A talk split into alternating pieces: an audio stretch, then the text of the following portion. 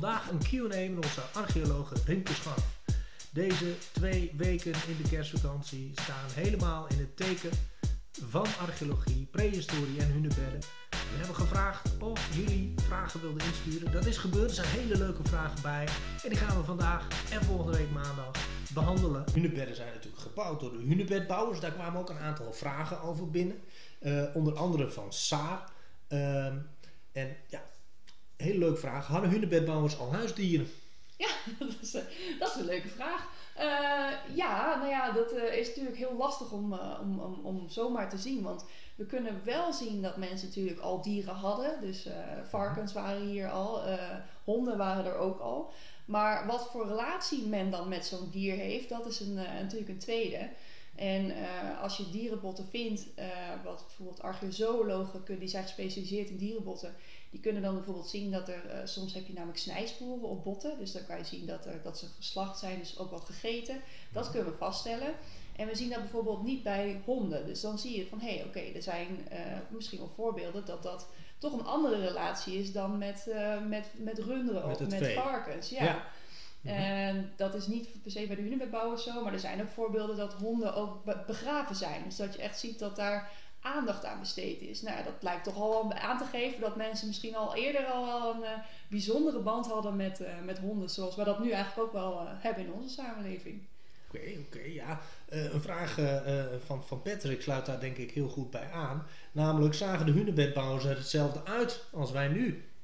Uh, ja, nou ja, in principe zijn de hunebedbouwers waren ook wel net zoals wij uh, Homo sapiens. Dus dat is het soort mens dat we eigenlijk zijn. Want er zijn verschillende soorten geweest uh, over de jaren heen. En um, in principe zagen ze er vergelijkbaar uit met ons. Alleen er is recent ook onderzoek geweest dat... want inmiddels hebben we nou, DNA-onderzoek, dat is nog niet zo oud. Maar daar kunnen we nog wel af en toe wat nieuwe dingen uit opmaken. Dus dat ook mensen waarschijnlijk een iets donkerdere huidskleur hadden dan dat wij nu hebben. En dat, uh, ja, dus uh, wie weet in de toekomst komen daar nog meer uh, nieuwe ontdekkingen bij. maar bijvoorbeeld de voorlopers van de mensen, de Neandertalers, die, die, zagen er wel, die waren vergelijkbaar, maar die hadden wel andere kenmerken. Ze hadden een veel grotere neus en de schedelvorm was wel anders. Dus niet alle soorten mensen zien er ook hetzelfde uit. Ja. Net zoals nu natuurlijk hè, met de Aziatische mensen en, en de West-Europese ja, mensen. Ja, maar het zijn wel verschillen allemaal, tussen. allemaal homo sapiens. Ja, ja, dat is waar. Um, nou, een vraag van Lin, uh, ook over de hunebedbouwers, namelijk jaagden de hunebedbouwers op mammoeten?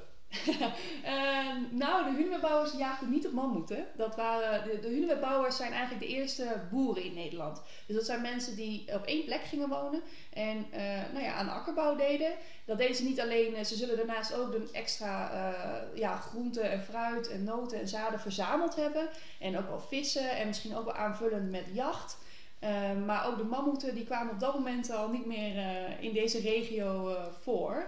Dus de, de, de, de, dat waren de Neandertalers, die waren meer in het, geoefend in het mammoetjagen waarschijnlijk. Ja, ja. ja, ja waarschijnlijk ten tijde van de, de boeren waren er ook geen mammoeten meer, denk ik. Nee, niet, volgens mij waren ze nog wel, maar niet in onze contraien. Die zaten opgesloten op een eiland, volgens mij. Ja, ja, of ergens diep in Siberië misschien nog, maar, maar niet in Drenthe. Um, ja, Willem heeft uh, goed naar de video gekeken. Die heeft een vraag van ja, nou wil ik eigenlijk ook wel weten wat die witte, witte verfachtig, uh, ja. uh, wat dat nou eigenlijk is. Oh, Want leuk, ja. ja. die vraag wierp je natuurlijk zelf een beetje op. Ja, ja, ja, ik vind dat namelijk wel een heel interessant onderwerp. Want ja, dat denk je misschien niet bij na, maar vroeger hadden mensen natuurlijk niet zomaar verf. Ja, hoe maak je dan verf? Hoe krijg je kleuren? Uh, en die witte pasta is één zo'n type verf, om maar even te zeggen. Want het is natuurlijk niet zoals wij nu met waterverf, maar echt een pasta. Mm -hmm. um, en in dit geval bestaat dat dan uit bot. En uh, dat verwachten misschien sommige mensen niet. Botpasta. Um, ja, maar dan moet je dus eerst wordt het bot verbrand en dan wordt het uh, vermalen. En dan wordt dat dus aangelegd met een vettige substantie. en dan ja, heb je een witte verfpasta. En dan denk je misschien, ja, wat voor bot? Want dat kan dierenbot zijn.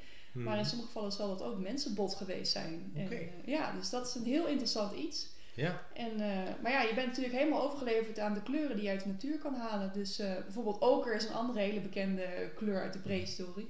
En dat komt door ijzerhoudend, ja, het is ijzerhoudend materiaal. En daardoor Ja. kleurt het rood, net zoals roest dat ook roestig, eh, ja. doet. Ja, ja. Ja, precies. Mooi hoor, mooi. Nou ja, eh, eh, we hebben nu eh, de hunebedden eigenlijk hè, veel vragen eh, daarover gehad. En over de hunebedbouwers natuurlijk dus ook. Eh, er zijn ook nog een aantal vragen eigenlijk wat meer gericht op, op jou als de, archeoloog zijnde. Doreen vraagt namelijk, wat doet een archeoloog? Archeologen doen heel veel.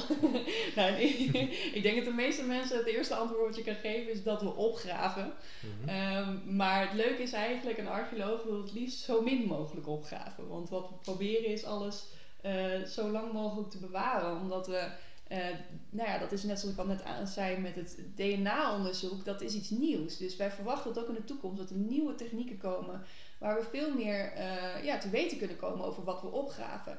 Mhm. Uh, maar het vervelende ook soms in archeologie is dat als je het eenmaal opgraaft, is het ook weg. Het is heel vernietigend in dat opzicht. En, maar gelukkig zijn er dus ook wat methoden binnen archeologie die niet destructief zijn, heet dat dan. Zoals fysische, fysische nee, Geografie. Ja, ge prospectiearcheologie. Ja, ja nee, inderdaad, zoals het werken met de grondradar. Precies, inderdaad. ja, uh, ja, ja. Uh, natuurlijk ook, uh, ook tegenwoordig wordt dat veel gebruikt, zelfs dus ja. in gazetten, of in, in gazetten. Ja, klopt, is het ook gebruikt inderdaad. Um, nou ja, in principe de vraag van Finn sluit daar wel, wel op aan. Want wat voor baan kun je krijgen als archeoloog? Uh, nou ja, dat is dus ook uh, heel uiteenlopend. Hmm. Ik denk dat de meeste mensen dat je dus inderdaad voornamelijk voor een, ja, een commercieel bedrijf werkt, heet dat dan. En, want zodra er gebouwd wordt in Nederland, dan moet er op een manier archeologisch onderzoek worden uitgevoerd. En dan gaan ze eerst wordt er gekeken van oké, is het nodig? Wat voor gebied is dit? Zouden we hier archeologie gaan verwachten? Nou, daar mocht daar kans dus heel hoog zijn, want dat is op hmm. zich geïnventariseerd voor, voor heel Nederland. Uh, ja, dan, dan moet er dus onderzoek gedaan worden. Bijvoorbeeld door te boren. Uh, nou ja, als het boren dat kan uitlopen op proefsleuven. Of zelfs dat je echt het hele gebied gaat opgraven. Wat mhm. mensen denk ik een voorbeeld in eerste instantie hebben. Ja.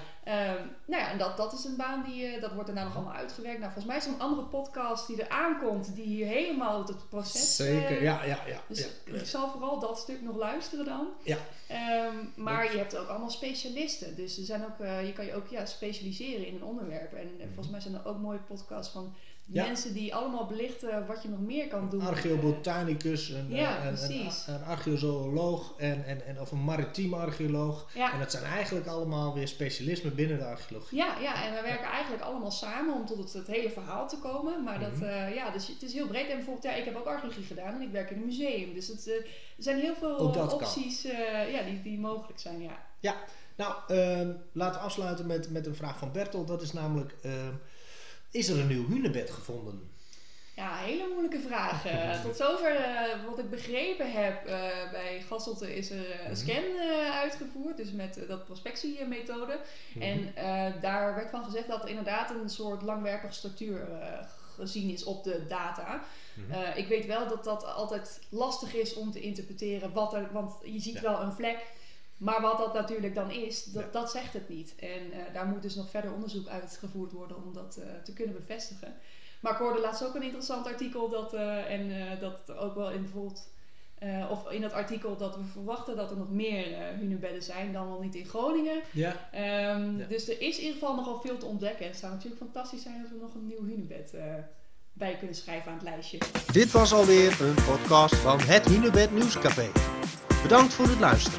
Heb je nu vragen of een tip voor een mooi onderwerp? Mail dat er even naar mij naar gklompmaker.hunebedcentrum.nl En vergeet niet, elke woensdag weer twee nieuwe episodes.